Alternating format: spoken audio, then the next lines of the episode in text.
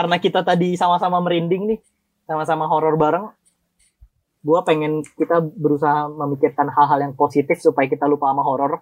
Jadi abis ini gue pengen ngelempar ke Bimo yang bakal ngasih kita info tentang tontonan-tontonan baru yang bakal muncul di Netflix mulai Yoi. dari bulan Mei ini. Silakan, Bi.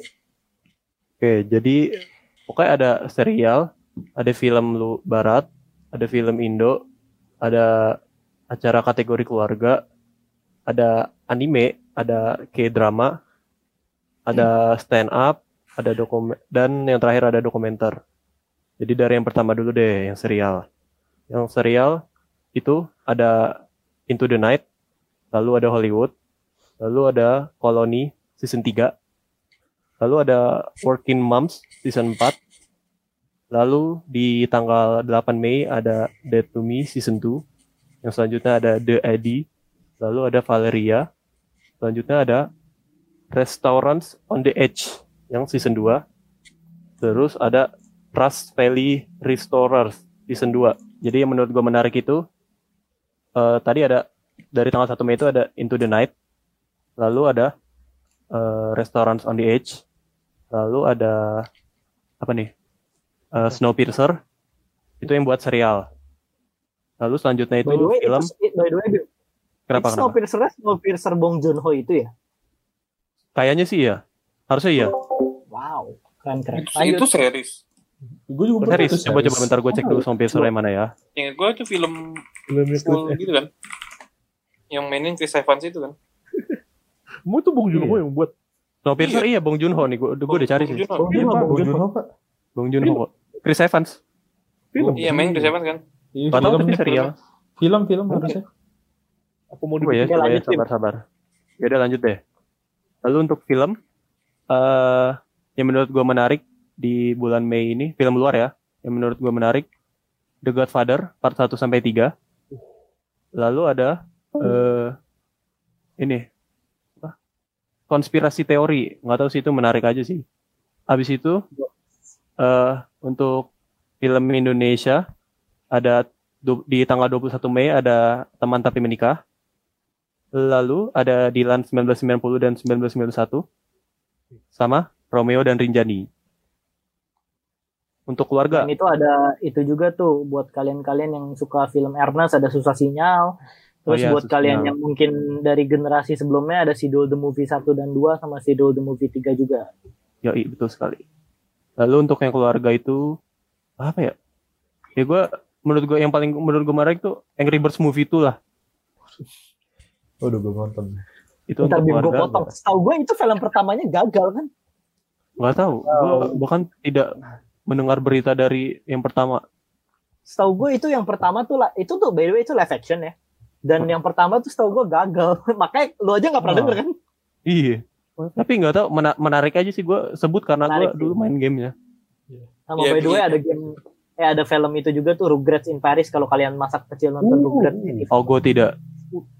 Gitu tau. Eh gue nonton deh. Ya, lanjut. Oke, lalu ada anime. Anime sebenarnya gue nggak terlalu tahu sih, jadi gue sebutin aja tuh semua, mumpung juga cuman dikit. ada as as as as, as, as Gridman. Itu emang judul S banyak ya. Apa? Gimana? S S S S S dot Gridman. Itu emang banyak S-nya.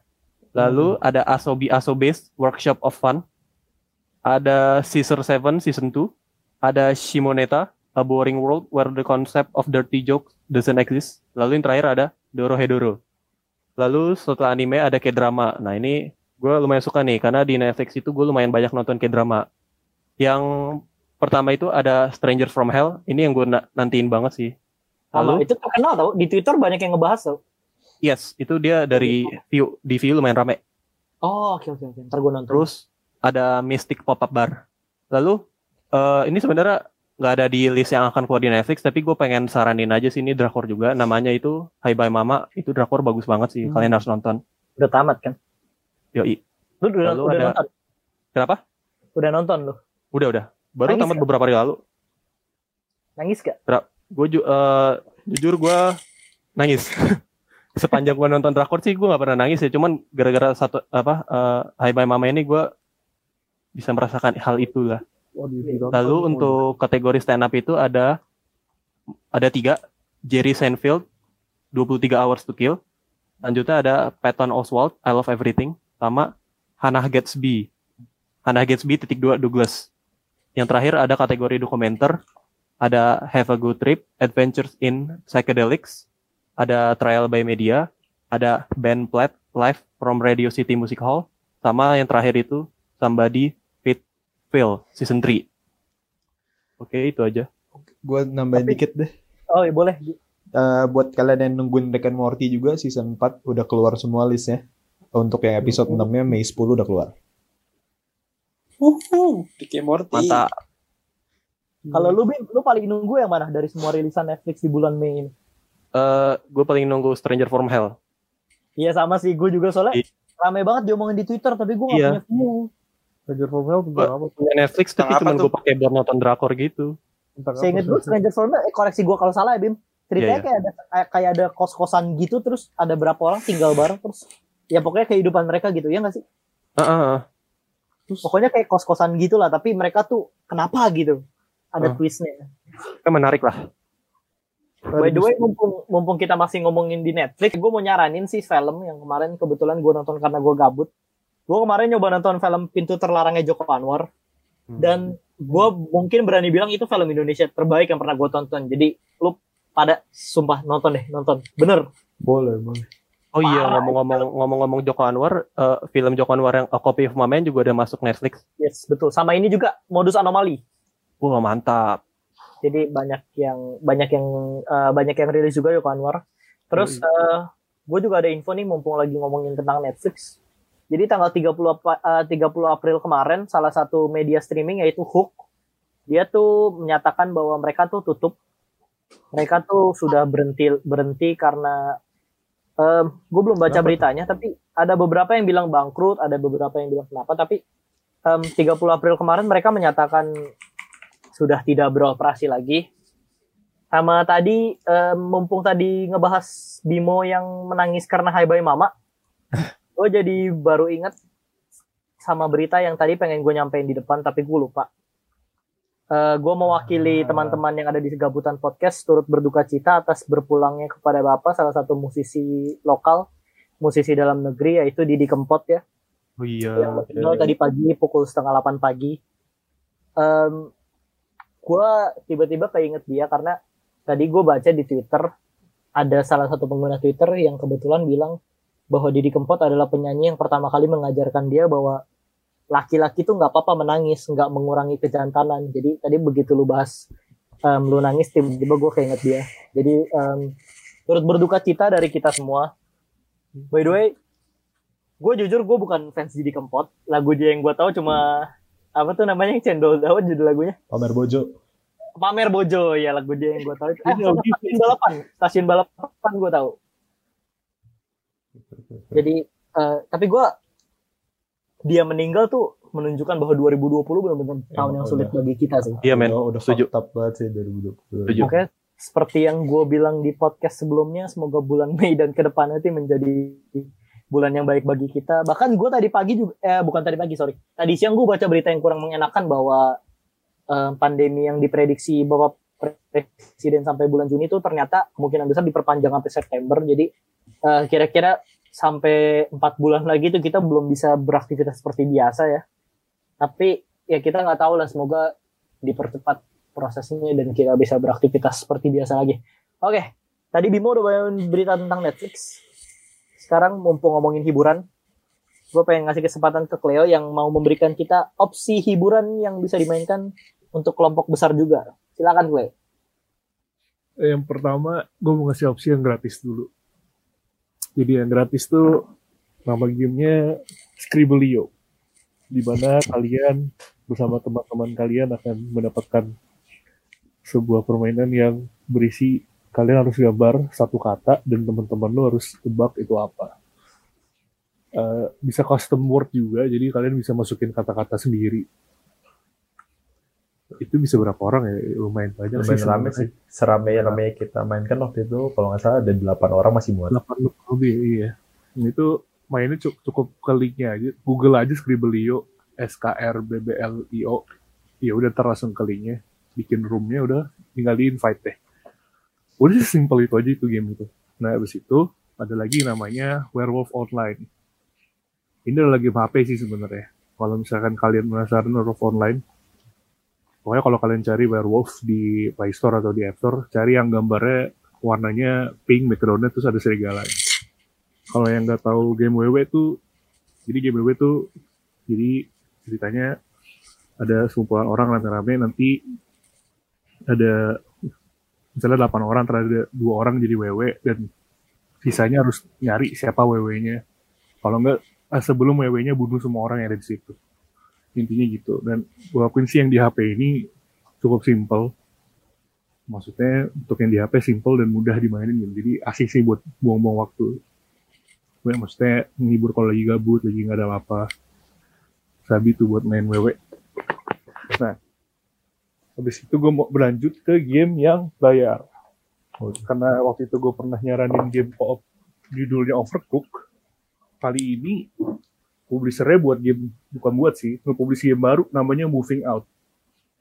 Game kalau Overcook kan kalian masak cepet-cepetan. Sekarang Moving Out kalian jadi orang yang mindahin-mindahin barang gitu. Mindahin-mindahin barang dari rumah. Ya mirip Overcook sih mainnya. Dia sama empat orang. Harus cepat, harus apa koordinasi empat orang doang tapi itu bayar paling harganya seratus ribuan kalau nggak salah kalau kalian mungkin mau punya duit lebih punya duit ada duit lah boleh kali main Kalau nggak teman-teman diskon, mungkin Steam diskon. Ntar kalau diskon. nanti Steam Summer Sale Juni kalau diskon boleh tuh dicek ajakin teman-temannya juga jangan lupa apa lagi ya game ada, Wah. ada ide Tunggu, gue ngomong-ngomong yang tentang mindahin barang nih. Ada Hmm. game gratis satu di Steam, namanya Totally Reliable Delivery Service. Ah. Itu lumayan seru tuh. Itu Total Society kalau nggak tahu itu mirip game namanya Gang Beasts atau enggak Human Fall Flat.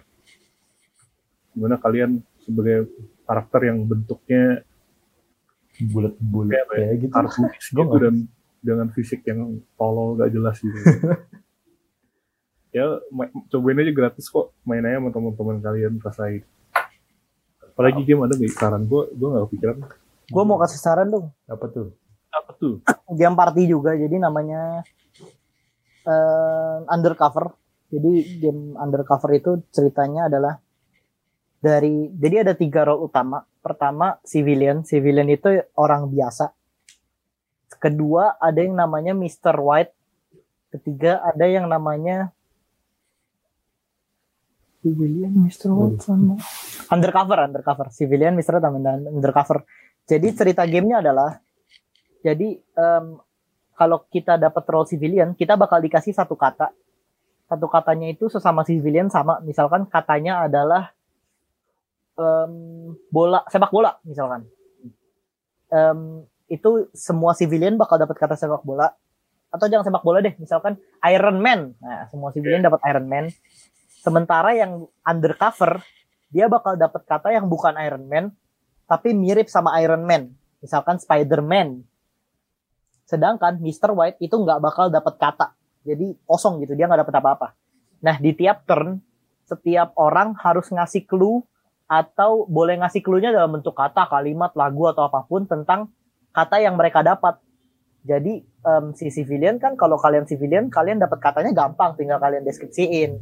Sementara yang undercover itu harus hati-hati karena kalau terlalu percaya diri, dia bisa berpikir kalau katanya tuh kata yang sama dengan civilian, padahal dia berbeda. Semen- Sementara Mr. White tugasnya karena dia nggak dapat kata dari clue-clue yang dilempar oleh para civilian, dia tuh harus bisa menebak katanya apa. Jadi di tiap ronde nanti bakal apa namanya em, bakal ada vote gitu mau keluarin siapa nih mau keluarin siapa. Jadi mainnya tuh em, bermain peran sekaligus last man standing siapa yang bertahan paling terakhir menang gitu. itu gamenya mana Bu? maksudnya dalam bentuk card game kah atau apa Em, em, ada card gamenya ada tapi di App Store atau di Play Store kalau kalian cari juga ada kok. Undercover cari aja gratis so, ada bahasa Indonesianya lagi jadi enak. Oh ya ngomong-ngomong bahasa Indonesia tadi kan Cleo, Cleo nyaranin Scribble Ayo tapi Scribble Ayo itu kalau kata-kata dari sistemnya itu bahasa Inggris. Iya. kalau kalian mau main game yang dari sistemnya ada bahasa Indonesia itu ada ada game yang serupa namanya Gartic.io Hmm. jadi ya sistemnya sama menggambar juga tapi ada opsi bahasa Indonesia-nya gitu. Baru tahu tuh. Bisa main Ah. Scribble. Eh, ngomong-ngomong soal game kayak Undercover, gue ada game lagi sih. Tapi bayar juga. Cuma kali ini gamenya eh, terdiri dari 8 orang. Di mana kalian harus, Yaitu gamenya itu kombinasi antara survival, survival aspek kayak kalau game-game survival lah ya, misalkan kayak kalau dingin perlu angetin diri, kalau lapar perlu makan gitu. Nge-crafting gitu-gitu. Nah, nanti di game ini tuh kalian harus survival selama setengah jam atau berapa gitu. Dan tujuannya adalah kalian harus bisa escape. Tapi di antara delapan orang ini nanti ada namanya traitor. Dan traitor ini pihaknya apa role adalah jadi gangguin ini goal utamanya dari si survivor ini. Misalkan kalian ada harus benerin genset. Nanti traitor ini bisa eh, iniin apa gangguin misalkan ada part yang harus dikumpulin tiba-tiba traitornya ngambilin gitu partnya dihilangin. Nah pokoknya tujuan traitor mirip kayak WW sih. Kalian harus bisa ngebunuh survivor ini tanpa harus ketahuan nama survivor yang lain. Jadi kalau survivor lain yang mati traitornya menang. Nama gamenya adalah Project Winter. Ada di Steam harganya seratus ribu. Mending beli kalau diskon. Nanti Steam Summer Sale. Ada 8 orang bisa lo ajakin. Asik By the way, kemarin kita juga nyoba main ya. Gua, Cleo, Augie, dan beberapa teman lain. Seru, seru memang seru. Pengalaman gua adalah menjadi CV, eh, menjadi civilian. Tapi gue digebuk sama Cleo sama Augie karena ternyata mereka traitor gitu. Itu Iya, gitu. Gue udah sangat, gue udah sangat mempercayakan mereka loh. Ayo kita nyari nyari kayu bareng. Oke, ayo. Tiba-tiba gue dibawa ke satu tempat lagi ngebantu metik cherry loh guys. Digebuk sama mereka berdua. Ternyata mereka traitor. Tapi seru lah kalau kalian ada kesempatan main sama teman kalian. betul betul, betul. Oke, lu segitu aja atau mau ada tambahan lain? apa ya nggak ada lagi gue gini Oke, karena Cleo sudah selesai. Em, habis ini gue pengen kita agak cool, cool down dulu ya. nambahin dong minta Oh, lu mau nambahin? Boleh, boleh. Eh, kalau yang denger pengen Animal Crossing boleh kali bagi-bagi harga turnip nanti di di DM Boleh tuh. Eh, by the way, kalian yang punya ID game kalau mau disebarin boleh loh. ID Boleh. PSN, ID Steam, ID apa? Boleh loh. Nanti gue add pasti yakin Karena dari tadi kita bahas topik yang cukup berat, cukup berat. Gue pengen ke Tapir dulu karena dia tadi ngomong ke gue, em, dia bakal ngasih informasi yang bentuknya ringan dan gak terlalu seberat itulah. Boleh Pir, silakan. Oke, gua di eh, Bentar, bentar. Gue pengen ini dulu motong. By the way, gue lihat lu cukup konsisten ya, Pir. Tiap gue kasih kesempatan, pasti kata pertama lu, Oke. Oke, opening. Bener juga. tapi bagus membentuk karakter. Silakan, silakan. Iya. oke Oke. Gimmick. Kok gini? Coba gue paling pertama gue pengen ngomong emang oke bener. Jadi eh, dari dunia K-pop, dunia entertainment Korea, jadi eh, ada satu berita yang cukup sedih mungkin untuk para XOL atau fans EXO, fans EXO.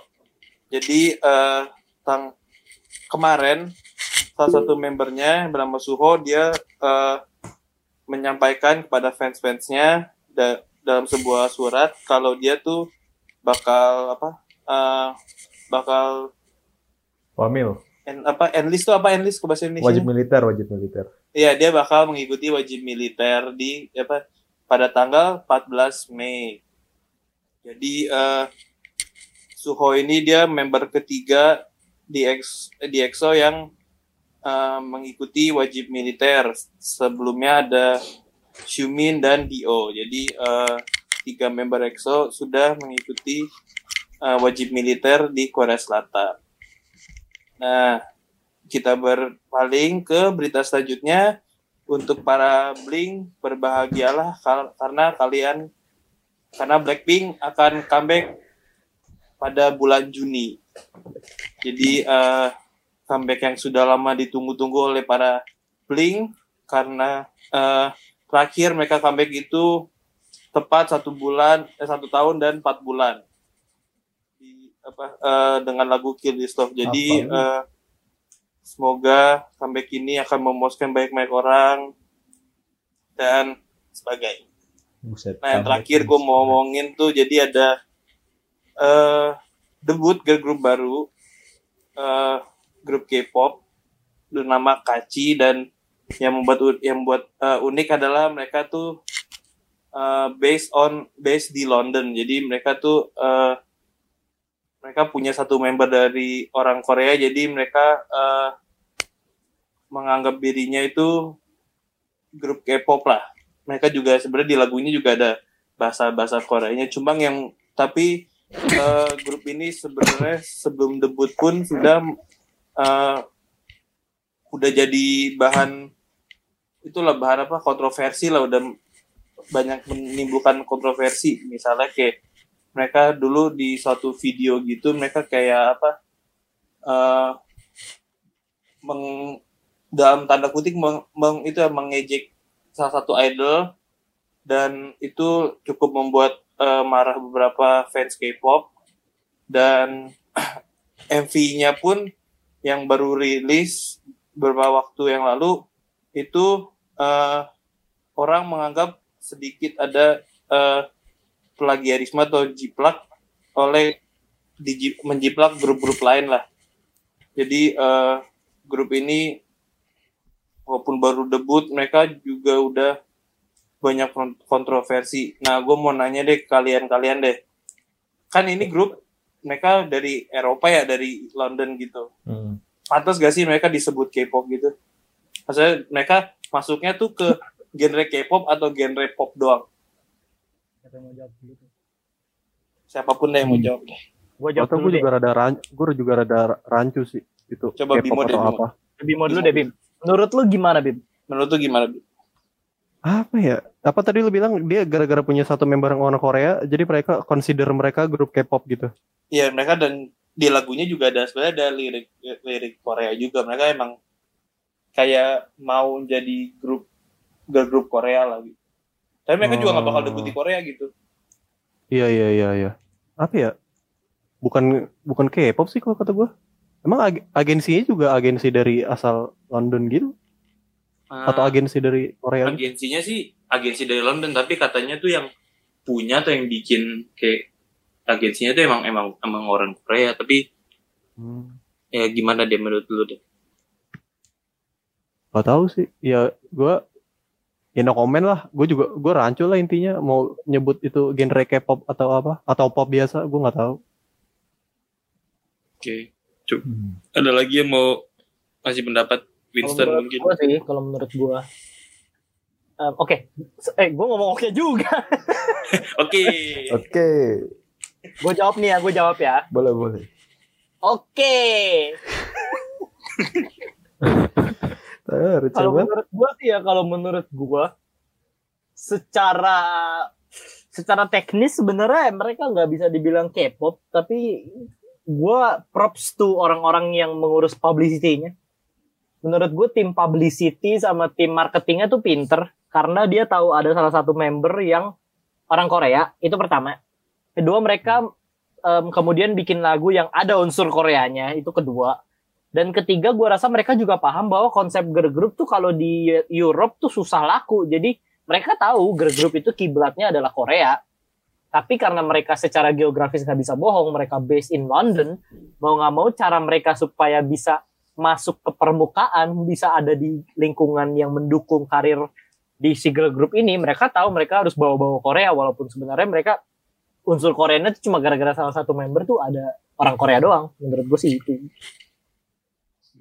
Sama sih gue juga berpikir kayak gitu. Jadi kayak kalau gue sih mikirnya mereka menganggap diri mereka itu bagian dari K-pop karena ya yang satu mereka member ada satu member orang Korea lah setengah Korea apa kayak orang Korea gitu anggapannya. Dan yang kedua tuh dari apa di lagunya juga eh, ada lirik-lirik Korea gitu bahasa Korea gitu. Dan yang terakhir mungkin kalau dari guanya sendiri itu mikir karena mereka tahu girl group apa K-pop ini sedang lagi fenomena apa lagi ya apa fenomena banget lah fenomena ini jadi mereka tuh ikut join the wave lah mereka kayak biar Hmm. apa ya Biar booming. eh, mengikuti pasar lah sekarang pasar lagi lagi K-pop banget lagi lagi K-pop lagi naik-naik banget mereka ngikut biar eh, ya menjadi terkenal atau menjadi sukses lah gitu. By the way, Tapi, ya itu bisa sih. di spell gak namanya Pir? Gue penasaran. Hah? Di spell out namanya. Oh, eh, namanya Kaci. K A A C H I.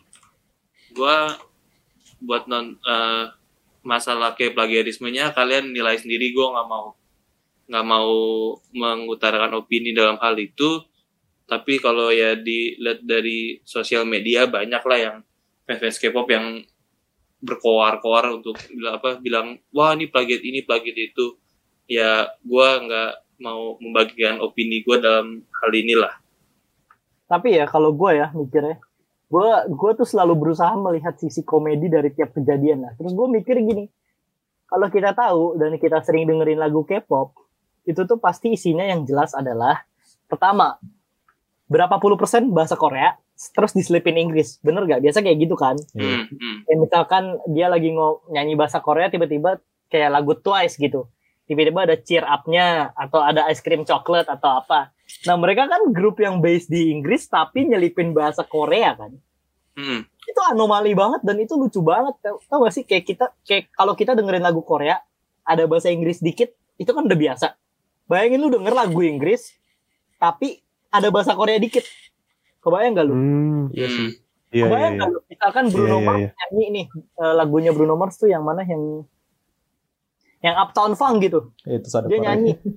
Kan ada liriknya yang stop, wait a minute. Bayangin kalau dia nyanyinya bukan gitu, dia nyanyinya jangkaman, wait a minute.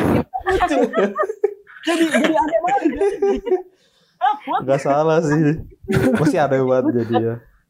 Lucu kan?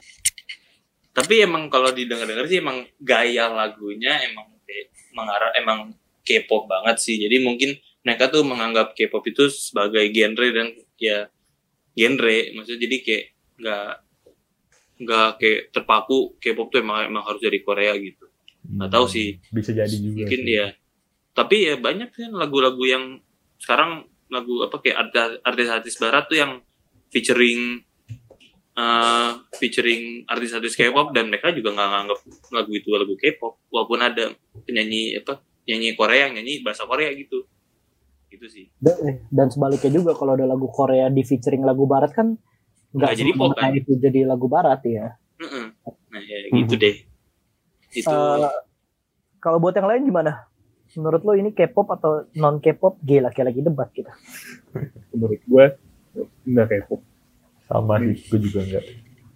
Jadi global aja gitu ya, cuma ada unsur K-popnya aja gitu kan. Tapi mungkin mereka bisa menjadi pionir bagi grup-grup global yang tapi di luar Korea gitu. Mungkin mereka jadi Well, mereka mau ya jadi semoga mereka kayak jadi inspirasi buat itu lah tapi menurut gue dengan mereka bilang dia kayak mereka bilang mereka K-pop gimana sih? mereka bilang mereka mereka iya mereka girl group K-pop gitu Menurut gue enggak orang Inggris Justin Bieber nyanyi Despacito aja berarti dia bukan Meksikan ya? Iya, salah. Iya. Menurut gue sih Just- ya Justin mereka Bieber. Ya, Murek- Bieber aku Mexikan mah ditampol sama Daddy Yankee ya.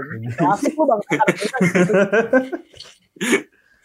ya kalau mereka mau mencoba ya nggak apa-apa gue nggak nggak Iya, nggak bakal nge-hate juga ya ya silahkan tapi kalau lu nggak bertahan ya bukan salah Sebenarnya yang harus diawasi itu bukan kita kita, yang harus diawasi itu fans berat K-pop karena mereka itu yang paling brutal Iya. di dunia. Betul. Ya, men, ini ini side tracking dikit ya. Lu pada tahu kasusnya Remar sama fans BTS gak? Oh, gue tahu. Gue enggak. Siapa? Wah, tahu tahu banget, men. Itu ngeri banget loh. Iya. Jadi gua, gua kasih ini ya, gua kasih gua kasih briefnya aja nih. Jadi ceritanya ada satu cewek di TikTok namanya Rimar Martin. Dia tuh TikToker dari Filipina, perempuan, usianya kalau gua nggak salah masih 16 atau 17. Eh, bisa dibilang dia punya perawakan yang cukup cantik. Jadi ada banyak laki-laki yang eh, bisa dibilang suka sama dia lah. Terus karena laki-laki suka sama dia, komen terus, follow dan lain-lain tuh nama dia makin naik.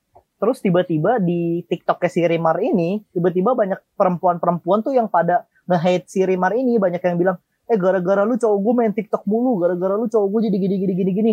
Terus em, saking gedenya kekuatan hate dari para perempuan-perempuan yang alay eh, gue nggak berani ngejat sih. Intinya banyak perempuan-perempuan tuh jadi nyalahin si Rimar ini gitu loh. Terus pada akhirnya karena pada nyalahin mereka tuh rame-rame report akun si Rimar ini akun Twitternya dan juga akun TikToknya nah lu bayangin anak 16 tahun 16 tahun tuh masih muda loh. Dia tuh main TikTok mungkin buat bersenang-senang tapi dapat hate sebanyak itu. Gue sih ngelihat di Twitter dia dia cukup stres dia cukup stres juga sih sampai dia banyak apa dia pernah nge-tweet um, kayak ber- harus berdamai sama diri sendiri dan dia bakal quit TikTok dan sebagainya. Tapi setahu gue sih sampai sekarang akunnya aktif. Nah hubungannya apa sama fans BTS karena akun Rimar ini di report rame-rame dan disuspend gara-gara para perempuan-perempuan laki-laki ini para laki-laki yang ngefans sama Rimar ceritanya pengen balas dendam Nah, kalau kita tahu perempuan itu kan biasa sukanya K-pop tuh. Jadi para laki-laki ini membalas dendam dengan cara mereka gantian yang rame-rame nge-report akun BTS supaya akun BTS-nya disuspend. Gila gak lu? Gila itu perang zaman sekarang tuh Memang Aneh Berat ya. banget gitu loh. Ini ada anak 16 tahun gitu loh. Anak 16 tahun pengen main TikTok buat fun gitu, buat bersenang-senang, joget-joget, pakai filter lucu-lucu. Masa ada laki kepincut, perempuannya nyalahin Rimar, ini nyalahin lakinya dong. Aneh banget. kalau Oh iya sama Akhirnya- itu. Ayo lanjut ya lanjut. gimana gimana. Ya itu, intinya pada berantem akhirnya. Berantemnya gak penting banget gitu loh. Sama yang itu tuh kalian yang kalian Hmm. ngikutin nggak yang apa? eh, jadi ada drama Korea yang apa namanya judulnya Plot of Marriage. Ah, oke oke. Tahu. Itu adalah salah satu pemainnya namanya Han Soo Hee. Itu eh jadi dia kayak misalnya eh, di sosial media dia ngepost foto gitu apa gitu kalau selfie. Nah itu di komen banyak. Isinya orang Indonesia ngehujat dia tentang katanya ah dasar pelakor dasar pelakor. Itu gue gue yang pas itu gue langsung kayak siapa aduh nih kenapa orang-orang tuh sampai segininya? Itu padahal cuma acting padahal cuma bohong-bohongan tapi dianggap serius dianggap beneran gitu. Kayak orang se sebodoh kah itu se, se ter apa ter terpengaruh sama itu kah atau kagak gitu malah gue juga Udah, gue, nonton belum- gue belum, gue belum nonton si drakor. Emang gue mau nanya sama lu udah nonton kan, Bir? gue nonton lagi gue lagi ngikutin Karakter dia sengeselin apa emangnya? Menurut lu aja. kalau menurut gue tuh justru semua karakternya nyebelin jadi kalau gue tuh nonton bener-bener gak ada karakter yang gue suka satupun gue kayak bener-bener benci sama satu sama semuanya tapi karena gue benci karena karakter di mereka di apa di drakor ini tuh emang nyebelin banget gue gak nggak menemukan alasan kenapa satu orang doang yang dibenci kenapa nggak semuanya gitu? Soalnya semuanya kalau nanti kalau misalnya lu nonton gitu wah memacu emosi banget ya gue nonton ba- badan gue satu badan gue sakit. Tapi bener bener kata Tapir sih. Aku juga nonton dan sumpah tiap aku nonton itu bikin emosi gitu loh. emosi satu badan sakit gitu Berarti- Oke, gue baru pertama pertama ini denger ada orang nonton emosi satu badan sakit sih. iya bener-bener gue kayak ah, capek mental capek fisik gitu gue nonton dua episode selesai nggak mau lagi gitu emosi bener-bener kepa bener-bener kepacu sih kalau nonton itu lu Lu nonton, Kalau- lu nonton sampai fisik lu sakit, by the way lu nonton sambil sikap lilin apa gimana? Waduh, kagak ya enggak dong Sampai fisiknya ikutan sakit gitu.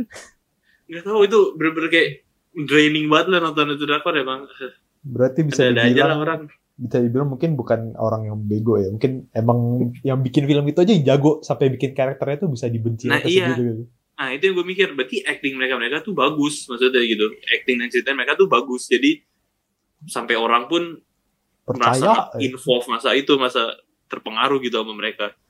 Berarti hebat di mereka gitu. Misalnya. Tapi aneh, aneh. Men- Menurut gue itu Itu nggak tetap nggak ada justifikasi bagi perlakuan kayak gitu sih. Iya emang. gitu loh. Nah yang bikin malunya tuh masalah ini sampai apa dipublikasiin lah di media Korea gitu. Jadi kayak orang apa? jadi ada banyak orang Korea juga yang nge, apa kayak ngebales hujat orang yang mengkomen-komen itulah. Jadi sebenarnya ya kalau gue sih rada rada malu tapi ya udahlah ya. Emang kita tahu ya begitu Tapi terima jarang, aja. jangankan sama orang luar deh, Pir. Gue punya cerita juga. Kasus yang mirip sama orang Indonesia. Jadi Hmm. gini, eh, dari lu semua, berapa orang udah nonton film 5 cm? Gue udah. Gue udah gue udah. Oke. Ingat salah satu scene Pevita Pierce kelihatan jistrinya? Oh iya iya tahu. Nah, jadi gini. Waktu itu eh gue udah follow Pevita Pierce lumayan lama. Jadi Hmm. ceritanya si Pevita Pierce tuh waktu itu ngepost foto sama Saikoji dan pemeran lainnya di atas di atas puncak gunungnya itu kayak pengen nostalgia gitu loh kayak eh, apa oh udah lihat. pokoknya ya kita kita udah apa kangen naik gunung gitu di komen katro emang orang-orang pada isinya tuh komennya tuh G-string, G-string, G-string, G-string. Ya Saking ramenya komen. Evita tuh sampai harus bikin klarifikasi buat ngomong bahwa di scene yang G-stringnya kelihatan itu bukan badan dia. Bayangin segitunya. Kayak Penting banget dia klarifikasi itu bukan G-string dan badan dia gitu loh. Emang orang Indo, eh, gua, gua gak mau generalisasi tapi nepok dada aja dah. Ya orang, gitu? Indo, orang Indo banyak yang katro banget tau gak sih lo? Iya banyak yang terbawa gitu. Banyak yang Banyak yang bilang banyak yang bilang kebanyakan nonton azab sih gitu. iya. Seru ya. Aduh. Jadi kita dari bahas K-pop jadi bahas G-stringnya Pevita Pierce yang palsu. Oke, gue tutup ya diskusinya. Ya ya. udah tutup tutup. tutup. Sebelum kita ngomongin lebih lebar. Karena dari tadi kita kita udah lemesin badan, kita udah ngomongin yang enak-enak jadi pikiran kita lebih gampang. Gue sekarang pengen ke Augie nih. Katanya Augie ada berita konflik-konflik nih biar seru dikit nih. Ada berita apa Gi? Oke. Jadi gini, kemarin Enggak, enggak pakai oke. Jadi gini, jadi kemarin itu ada ada sebuah series gitu. Eh series ini eh bukan series kayak semacam balapan tapi online. Ini ditayangin di national TV di USA. Dan salah satu pemain pemainnya ada yang salty, Pak. Ada yang apa? Salty. Oke. Jadi balapan ini tuh antar semua pembalap IndyCar dan satu pembalap F1. Eh, pembalap F1 ini namanya tuh Lando Norris. Eh, dia dia tuh menempati posisi pole position di posisi pertama. Dan pada saat belokan kedua kalau nggak salah eh, mobil mereka itu kayak bertiga itu berhimpitan gitulah. Tapi eh, abis itu si yang yang salty ini namanya si Simon, Simon aduh ini gue gimana bacanya ya? Simon Pagenaut apa gimana lah kalian boleh ntar nyari sendiri berita ini udah di mana udah lumayan besar juga. Dia salty pak dia yang nabrak sebenarnya bukan Lando Norris tapi dia nyalain Lando Norris gitu. Dan begitu dia masuk pit lane ada voice radio di mana dia bilang oh itu Lando Norris di, di depan kita tabrak aja kita balas dendam ke dia gitu. Nah lu bayangin lu seorang pembalap profesional yang biasanya udah compete di berbagai ini dengan ya kompetisi yang lebih sengit lah bisa mengucapkan hal yang kayak gitu gitu loh. Kayak itu itu kan gak profesional banget dan membawa nama jelek gitu, namanya jadi jelek gitu loh IndyCar gitu. Sama ada satu lagi juga pembalapnya, gue lupa namanya siapa, tapi dia dia yang menyebabkan seruntutan kecelakaan di mana akhirnya yang harusnya menang jadinya nggak menang, yang harusnya nggak menang jadinya menang. Dan begitu ditanya kayak, eh ini kan cuma game, lu santai aja lah. Ini juga bukan kayak dunia asli profesional gitu dan it- dan semua ini tuh terjadi saat ditayangin di televisi internasional. Nah, gue pengen tanya aja nih, kan ya dari dari segi profesionalitas lah. Menurut lo hal ini tuh sebenarnya kayak layak nggak sih? Sebenarnya hal ini tuh bahkan kepikiran pun di kepala lo tuh boleh nggak sih sebagai seorang profesional gitu? Gue mau nanya Nah. kalian deh. Gue mau kasih pendapat sekaligus nanya. Ya boleh. Bokap gue tuh kan fans F1 dari gue kecil. Yo. Terus bokap gue pernah ngajarin gue di F1 tuh ada namanya, gue nggak tahu sih ini bener apa enggak, tapi gue lupa ini diajarin pas gue kecil. Jadi bokap gue pernah ngajarin, eh bukan ngajarin sih dia ngasih gue. Hmm. Di F1 itu kayak misalkan untuk satu tim kan ada beberapa pembalap tuh. Iya. Em, bokap gue pernah bilang kadang-kadang si sat- eh, si komunikator tim ini bisa aja ngasih tahu salah satu pembalap mereka untuk sengaja ngalah ke pembalap yang lain Ah, supaya keuntungan eh, pokoknya mengutamakan keuntungan tim dari daripada pribadi lah namanya team order itu beneran ada gak Gi? itu beneran ada sampai saat ini. Kalau kalian nonton F1 2019 antara Lewis Hamilton dengan Valtteri Bottas, biasanya kalau Valtteri Bottas lagi leading, disuruh mundur biar Lewis Hamilton bisa maju. karena kalau misalkan dia juara yang namanya bagus kan juga nama timnya gitu kan Iya, dan saat tapi itu kan kalau kayak gitu kan tuh gimana nih? Kalau tim order itu sah kan hitungannya? Eh, sebenarnya agak kontroversial juga karena kayak pembalap yang sebenarnya lebih jago, kayak ibaratnya mereka udah fair play, mereka udah berusaha sampai di atas gitu, tapi total lu harus mundur karena kepentingan tim itu agak kontroversial juga sih menurut gua.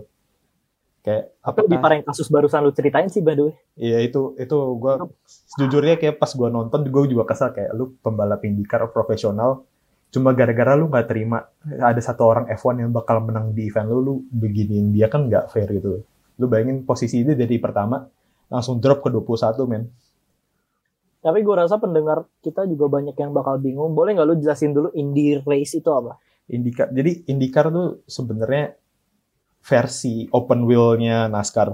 Kalau ya misalnya kita kalau balapan di ya kalau lu NASCAR tahu kan kayak mobilnya kenceng, rame-rame dan dempet-dempetan gimana lah. Nah, kalau ini tuh cuma versi open wheel-nya aja. Jadi kayak mobilnya bentuknya kayak F1 tapi balapannya kayak NASCAR gitu. Oh jadi eh, tracknya muter gitu. Yoi. Oh ini eventnya barusan banget atau udah lama? Eventnya, maaf, gue sedang mencari. Kalau nggak salah dimulai tanggal 2 Mei yang lalu. Eh, tanggal 2 Mei, ya. Oh oke berarti masih jalan mereka ya walaupun pandemi gini. Masih. Ya tapi kalau take dari gue sih gue bilang itu nggak profesional, Tuh. kan? sampah banget. Betul. Dan kayak, hmm, apa, di race ini tuh bukan cuma mereka main doang. Di race ini tuh membawa sponsor, dan membawa nama televisi. Kayak banyak, ibaratnya banyak company-company gede lah yang mensponsori ini gitu loh. Dan dihancurkan seperti ini kan nih menghabiskan waktu banyak orang gitu. Betul, gue setuju sih. Gitu. Susahnya jadi atlet gitu sih harus menjaga citra diri. Iya. Soalnya dalam dalam tubuh atlet dalam tubuh atlet yang kita tonton di TV itu tuh terdapat banyak sponsor, banyak endorsement di mana mereka harus menjaga citra diri kan. Kadang susah juga sih jadi atlet tapi Ego. cuma goblok lah kalau sampai kayak gitu. itu agak sebenarnya ya ini udah bahas banyak banget dibahas ya kalau kalian mau nonton coba cari aja eh, keywordnya yang gue pakai itu Lando Norris IndyCar iRacing kalian coba cari aja itu banyak banget beritanya Tapi kasusnya masih belum solve sampai hari ini. kasusnya sebenarnya ya udah sih sampai gitu aja dan si Simon ini juga udah minta maaf ke Lando Norris sorry tadi gue udah ya ngomongin lu di pit lane gitu lah Tapi ada hukumannya nggak dari federasinya?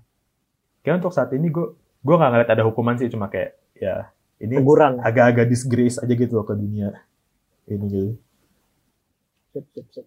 gitu. Ada lagi yang mau ditambahin, Bi? Uh, udah sih gue dari gue itu aja Hmm, Oke, thank you, thank you. Cleo, Cleo pengen ngomong? enggak enggak.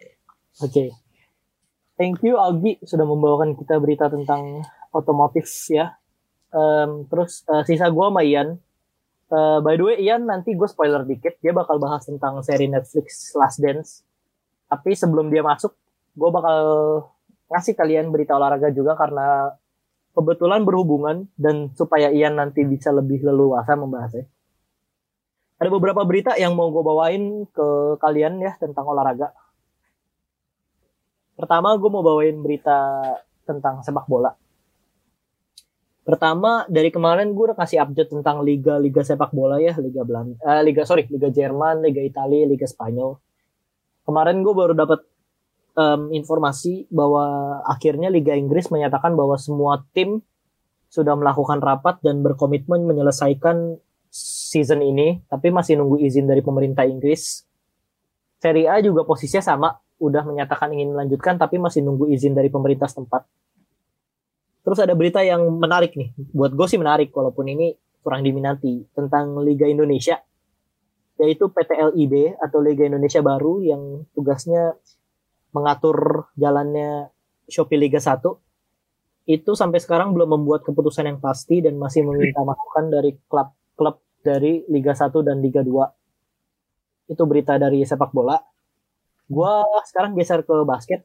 Yang pertama, em, series Last Dance episode 5 dan 6 sudah tayang. Nanti akan dibahas lebih detail sama Ian. Kemudian yang kedua, kemarin em, ke- dalam kondisi pandemi, tim New York Knicks memutuskan untuk menayangkan Classic Games. Dan yang ditayangkan adalah game-game Linsanity. Kalau kalian yang belum tahu, Linsanity itu pada masanya adalah ketika salah satu pemain Asia, yaitu Jeremy Lin. Jeremy Lin, jadi pada saat itu, dia, dia tuh undrafted dia tuh nggak diinginin berbagai tim tapi dia mendapat debut di Knicks dan tiba-tiba dia bener-bener game-game pertamanya tuh bener-bener gila sampai orang bikin istilah Linsanity. Parah Jadi sih. gua, gua kemarin baca di Instagramnya Jeremy Lin dia tuh sampai bilang gue terharu banget bisa memberikan kepada community dampak segitu besar dan sebagainya. Kemudian em, ada berita dari olahraga lain nih singkat aja sebelum kita masuk kelas dance. Pertama dari dunia tinju, gue baca statement dari Mike Tyson kalau dia berencana pengen balik ke ring buat bertinju 3 sampai 4 ronde sebagai bentuk charity atau em, pertandingan amal buat menangani COVID-19 ini. Eh, Bung Apa? Winston. Bung Ya. Winston. Siap, Kapten. Lo lihat nggak sih apa eh, yang diomongin Mike Tyson itu juga eh, itu di di Instagramnya dia ngupload dia lagi latihan kan. Ya. Ya itu tetap dia masih tetap menjadi Dia- Mike Tyson. iya coy Dia, dia tetap gila sih. tinju dia tuh masih tetap mengerikan Gua gua ngelihat dia umur 52. Anjing. Kalau kalau gua ditawarin kering sama dia, gua tetap Nah, gak berani. nggak mau, aja. Gak mau gua. Suruh bertahan satu ronde aja ngompol gua anjir yakin. tinju dia tuh dia cuma ninju kayak peralatan safety gitu kan kayak peralatan latihan gitu tapi itu tenaga dia tuh bisa gua rasakan melalui Instagram men itu pasti kenceng banget Dan di umur 52 loh. Sekali lagi kita nggak boleh melupakan bahwa dia umurnya 52 tahun gitu emang loh. gila itu orang sih Float like a butterfly, sting Yo. like a bee. Yo, Yo iya. Jelas. By the way, fun fact sedikit. Um, quote itu sempat diplesetin di film Car loh. Yang Iya iya ya, iya. ya, ya. Cadillac atau apa gitu. Gue lupa gitu. Sempat Iya, diplesetin. mau bahas Cars lagi juga nih. Ah, by the way, sebelum Ian bahas Last Dance, gue punya berita terakhir-terakhir banget. Jadi, eh, karena di pandemi kayak gini, Hmm. beberapa olahraga besar akhirnya menyelenggarakan turnamen online. Gue bakal bacain beberapa yang menurut gue menarik. Yang pertama, Liga Basket Amerika atau NBA menyelenggarakan 2K Players Turnamen yang sudah selesai. Dan di final mempertemukan dua orang, yaitu DeAndre Ayton dan Devin Booker. Dan rookie biasa. lucunya adalah mereka sama-sama pemain Phoenix Suns. Yoi. Tapi permainan Ya, Phoenix Suns naik Lagi ya. tapi dimenangkan oleh Devin Booker ya. Yo Um, man lu TV bro. Beberapa pemain yang sempat ikut turnamennya ada Kevin Durant, Demantis Sabonis, Montrezl Harrell, Trae Young dan banyak lah. Rui Hachimura juga ikut. Eh, itu dari basket. Tapi selain itu, kebetulan Liga Inggris juga mengimplementasikan hal yang sama, menyelenggarakan turnamen sepak bola di FIFA ya, yang em, banyak pemain terkenal juga ikut. Eh, Raheem Sterling, Wilfried Zaha, Trent Alexander-Arnold, yang kebetulan turnamennya juga sudah selesai dan dimenangkan oleh perwakilan dari Wolverhampton Wanderers yaitu Diogo Jota di mana dia di final ketemu sama Trent Alexander-Arnold dari Liverpool dan kebetulan berakhir dengan golden goal di menit 66 kalau nggak salah. Jadi Diogo Jota jadi em, juara dari namanya e-Premier League Invitational Cup dan kalau kalian main FIFA Ultimate Team seperti gua silakan kalian ke store di situ ada kartu spesial bagi Diogo Jota karena baru menjuarai. Terakhir, Liga Basket Indonesia yang sangat gue ikuti yaitu Indonesia Basketball League juga mengusung konsep yang sama menyelenggarakan Ah, 2K turnamen seperti NBA. Main 2K Dan- tapi 2K tapi mainnya pakai tim-tim 2K juga. Karena kan belum ada IBL 2K. belum ada ya itu sayang itu itu Jadi pasti menarik bakal baca secara singkat aja kontestannya karena kebetulan turnamennya belum kelar tapi nanti kalau udah kelar gue bakal kasih update. Eh, ada Muhammad Alan Ashadi dari Bank BPD Jogja Bima Perkasa, ada ya, Valentino Wuwungan dari Pelita Jaya, Sandi Ibrahim dari Satria Muda, Widianta Putra Teja dari NSH Jakarta, Daniel Wenas dari Louvre Surabaya, Aditya Lumanau dari Amarta Hang Tuah, Alba Pedro dari Prawira Bandung, dan Daniel Anggoro dari Satya Wacana Saltiga. Jadi kalau kalian tertarik juga buat nonton, itu ada di channel IBL TV setiap harinya mulai tanggal 4 Mei. Nah, itu info dari gua. Sekarang kita bakal langsung masuk ke Ian yang gua tertarik juga nih katanya dia bakal bahas The Last Dance. Jadi gua langsung kasih panggungnya ke Ian. Lu mau mulai dari mana? Silakan bahas lah. yuk, hari ini gue mau nyantai-nyantai, gak mau bahas konspirasi, lagi pusing. Jadi gue mau bahas salah satu penemuan buat Netflix yang gak bakal gue lupa seumur hidup. Jadi kan gue kangen nonton NBA ya, ya kangen nonton basket lah eh, ah fuck. Terus tiba-tiba ada nih satu series yang totally awesome. Last Dance bro. Jadi Last Oh. Dance itu adalah dia nyeritain eh pet career petnya jadi dari organization dari si Chicago Bulls ini. Dari zaman Michael Jordan Yo, rookie man. sampai The Last Dance itu Last Dance itu sendiri eh, kasih tahu nggak nih Last Dance apaan Boleh, boleh, boleh. boleh boleh jadi Last Dance itu diambil dari salah satu kayak apa ya? Jadi mereka tuh kayak bikin rancangan per tahun kan, tiap Play- seasonnya kan. Bi- bikin playbook organisasi bikin playbook kan, playbook atau apa gitu kan ya playbook sih jatuhnya kayak PHB lah kalau kita anak film mah. ya, ya Jadi- betul. Di season terakhir eh, tim ke- keemasan Chicago Bulls ini ada satu playbook yang dibuat dari siapa namanya coachnya Chicago Bulls Phil yang Jackson Iya, Phil Jackson. Saya Master, The Zen Master Phil Jackson. Yo, boy. Dia bikin satu playbook terakhir, namanya Last Dance. Tujuan Last Dance ini buat aja. kita mumpung masih bisa win ring atau bisa masih juara, ayo gitu loh sebelum Scottie Pippen cabut, Dennis Rodman cabut, Phil Jackson yang kemungkinan nggak mau ngelatih lagi kalau nggak ada Jordan, Jordan yang nggak mau main lagi kalau nggak ada Phil Jackson, ya begitulah intinya lah. Ini udah episode kelima ya berarti ya? Udah sampai 6. Udah 6. Belum ya hari ini ya? Iya. Eh, kamu Ah, udah kan iya. dari kemarin gak sih sebenarnya? Iya ya, setiap hari Senin kemarin. dua rilis dua episode. Iya, setelah, setelah eh, Senin kemarin ya. Iya. Tapi lo tau gak sih yang gue eh, appreciate dari dari dokumenter ini Yo. itu episode berapa tuh? Tiga, empat, sama dua, dua, tiga, empat berarti. Kenapa tuh?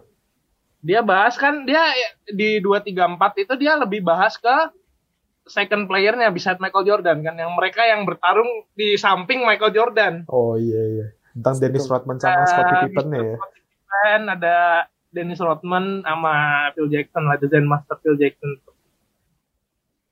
By the way, Bukan. di episode, besok- di episode 5 kemarin dia juga sempat ngebahas role player yang menurut gua nggak dapet cukup kredit, tapi kemarin cukup dibahas dalam loh. Tau gak siapa? Tony Sama Kukoc. Oh Oh, Tony iya, Kukoc. Tony Kukoc. Tony ya, enggak sih, tapi kayak gue lebih sangat-sangat appreciate Dennis Rodman sih. Yoi. Lu tau gak sih scene di film yang dia waktu ngejelasin rebound yang apa bola jatuh ke sini terus ke sini yang dia Iya, pakai gerakan Itu tangan gitu. gile coy. Itu genius banget, itu genius banget. Anjir coy, lu gua gua nggak expect seorang sebarbar Dennis Rodman Iya. kayak punya eh iya sih emang dia orangnya nggak ada nggak ada yang bisa ngontrol Dennis Rodman sih. Dia orang kayak dia berdiri sendiri sih. Tapi dia eh, waktu masuk Bull juga eh, apa ya? rela gitu loh. Nyebokin Michael Jordan lah istilahnya kalau dibilangnya nggak sih? Iya, iya, mirip-mirip. I get every rebound to make uh, to make sure Jordan score a point. Kan istilahnya begitu kan. Iya sih, gue gue gue entah kenapa tiba-tiba jatuh cinta sama Dennis Rodman sih. Kutipan dia juga bagus sih waktu dia bilang whoever controls the rebound controls the game. Ah iya, defense sih, defense. Bagus bagus. Keren keren. Bonding. Nah, abis gue tahu Last Dance ini kan, gue lagi lagi demen malah sama kayak eh, tipe-tipe karakter di film ya, terutama ya. Ke second supporting sih, kayak supporting actor gitu. Eh, Lead. Eh, apa? Misal, Supporting eh, actor. Alfrednya, Alfrednya Batman atau siapa ya? Eh, happy-nya Tony Stark gitu lah. Bagus tuh. Happy Tony. Jadi mereka tuh kayak eh mereka nggak ada, mereka mereka kalau ada juga Merasa eh aktornya selamat gitu kan. Tapi kalau nggak ada kayak hidupnya hidup protagonisnya bakal susah banget ya sih. Iya benar. Bayangin Michael Jordan nggak ada Dennis Rodman sama Scottie Pippen. Ada Skipper sama eh, Horace Grant sama siapa Harus sama brand. Bill Iya. Cartwright. Iya kan, bayangin gitu loh. Apakah Tapi bakal ada gitu ring? Iya benar. Masih banyak role player yang harus di-appreciate juga sih kayak John Paxson itu orang kalau nggak nge-shoot nggak masuk tuh. Sama Jordan dibully sampai mati gua rasa. Iya, jadi dari Paxton juga kan dia punya apa ya? Kayak lu lihat leader lu begini nih, tapi lu bakal bakal encourage lu merasa kayak eh, lu termotivasi gitu gara-gara Michael Jordan fighting on your side gitu istilahnya gitu. Tapi dari Last Dance gue cukup belajar juga sih pentingnya orang kedua gitu. Hmm, iya. Kayak ibaratkan presiden gitu. Kita nggak pernah nganggap seberapa penting wakil presiden kan. Nah, sih. Oh iya, abis Last Dance juga gue nonton nih satu film yang dulu gue lihat film ini beda, sekarang makin beda lagi. Tahu nggak apa? Apa? Dan ini sekarang jadi film favorit gue nggak tahu kenapa. Cars 1. Oh Cars, kenapa tuh? Entah kenapa ya, gue lihat meter coy. Gue baru mau ngomong, apakah lu merasa bahwa meter ke Lightning McQueen adalah equivalent Pip- eh, equivalent Pippen ke Jordan? Iya itulah, seperti itulah. Ekvivalen Rodman ke Jordan atau siapalah. Meter Iya tuh sih. kayak anjing, orang tolol ya. Itu kalau lu gambar itu orang tolol yang tapi dia tolol tapi dia setia malu gitu. Iya benar-benar. Meter tuh goblok. Tapi meters meters bro. Yo. Meter, meter so. paham paham paham Gila tuh lu bentuknya kayak ada rongsokan tua mobil truk gitu apa. Dia isi dia demen berkarat tapi lah pokoknya totally idiot lah gitu lah. Tapi ya mungkin bakal susah hidupnya kalau nggak ada meter. Bener sih, bener. jadi salah satu uh, take aways-nya Ian dari film Last Dance adalah bahwa orang kedua dan ketiga tuh penting jadi nggak cuma main karakter Iya, lu sebagai manusia kan. Sebagai manusia tuh lu nggak bisa di no man an island bro. yo No Man is an Island setuju Iya. Lu nggak bisa apa ya? Mungkin lu punya gitu integritas atau cara berpikir sendiri gitu kan. Tapi at the end of the day, lu butuh orang kedua, orang ketiga sih. Itu yang rela berkorban buat lu itulah. Tapi gue pengen ngomong satu hal karena gue juga pengen ngomong ke teman-teman kita juga yang ada di sini. Di episode 6 itu diceritakan bahwa em, Michael Jordan pada tahun 1990 tuh bukan cuma jadi pemain basket, tapi jadi ikon budaya. Shit. Dia pada saat itu membintangi iklan Gatorade yang menimbulkan slogan Be Like Mike Be Like terkenal. Lalu Oh, pada Yang pada saat- doang. banyak banyak. It must be the shoe. Ya, termasuk iklan dia sama Spike Lee. Dan yang terakhir yang menurut gue paling paling gila yang dia lakukan adalah pada saat itu dia bilang dia suka Adidas. Tapi orang tua dia maksa dia untuk hadir di pertemuan bersama Nike. Nike. Dan pada saat itu Nike saking komitmennya sama Jordan, dia berhenti bikin sepatu running dan fokus bikin sepatu basket hanya untuk seorang rookie bernama Michael Jordan yang belum proof everything. Nah,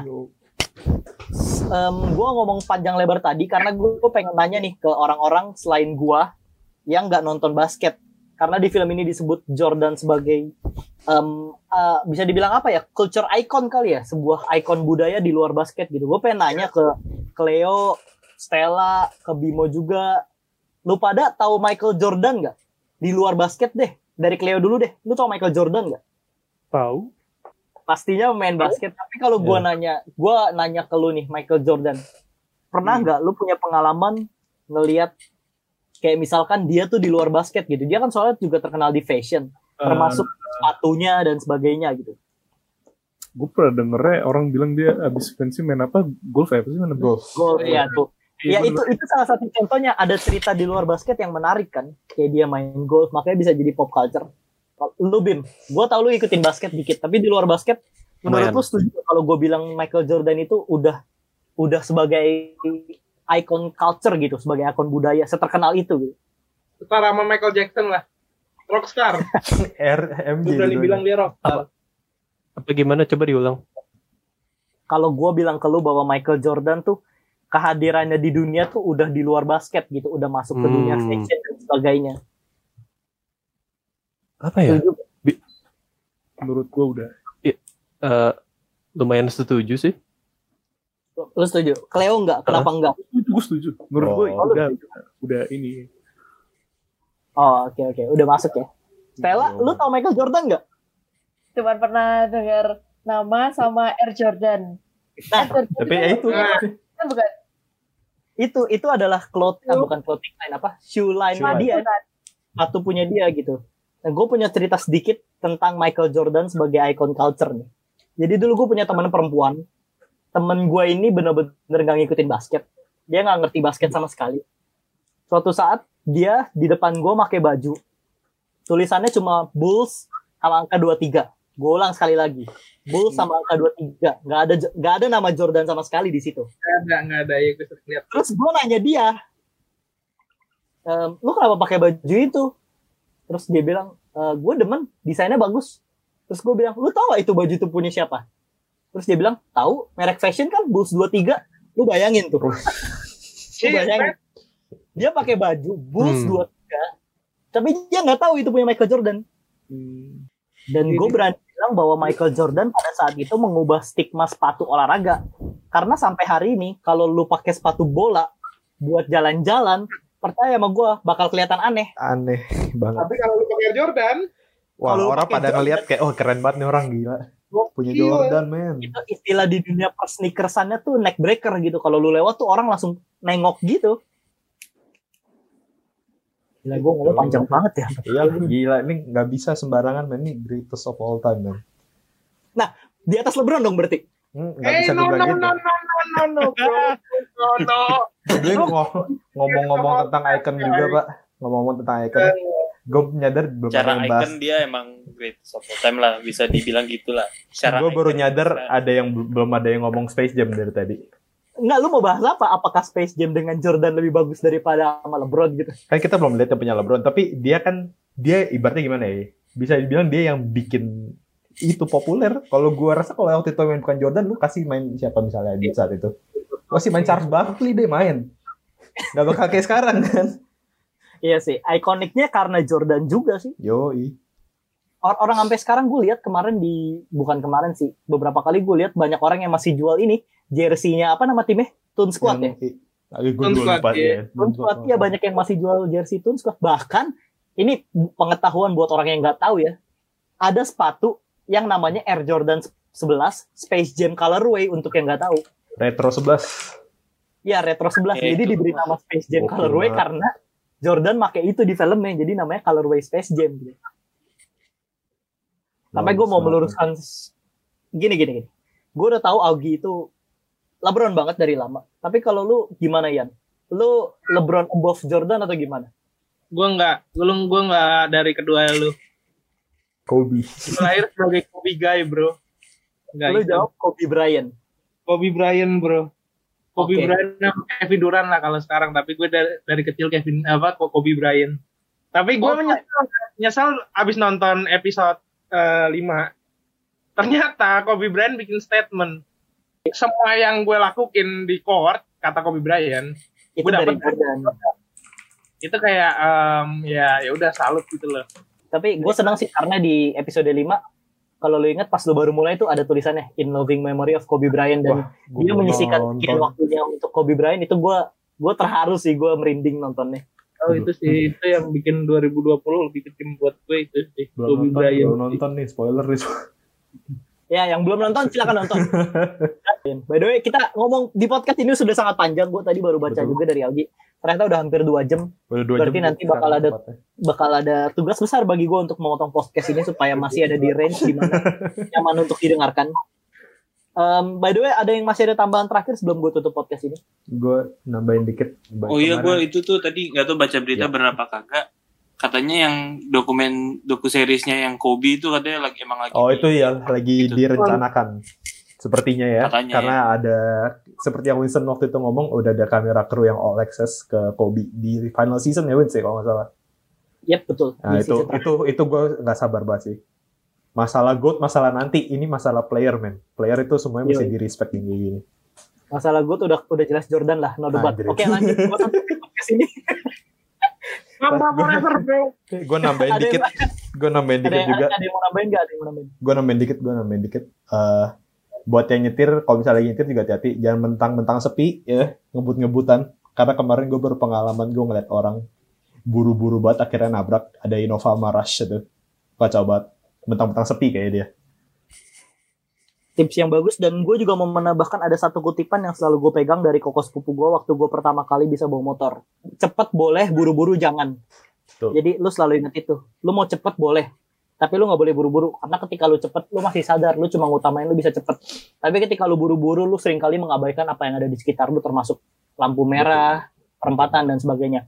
Oke, itu menutup podcast kita hari ini.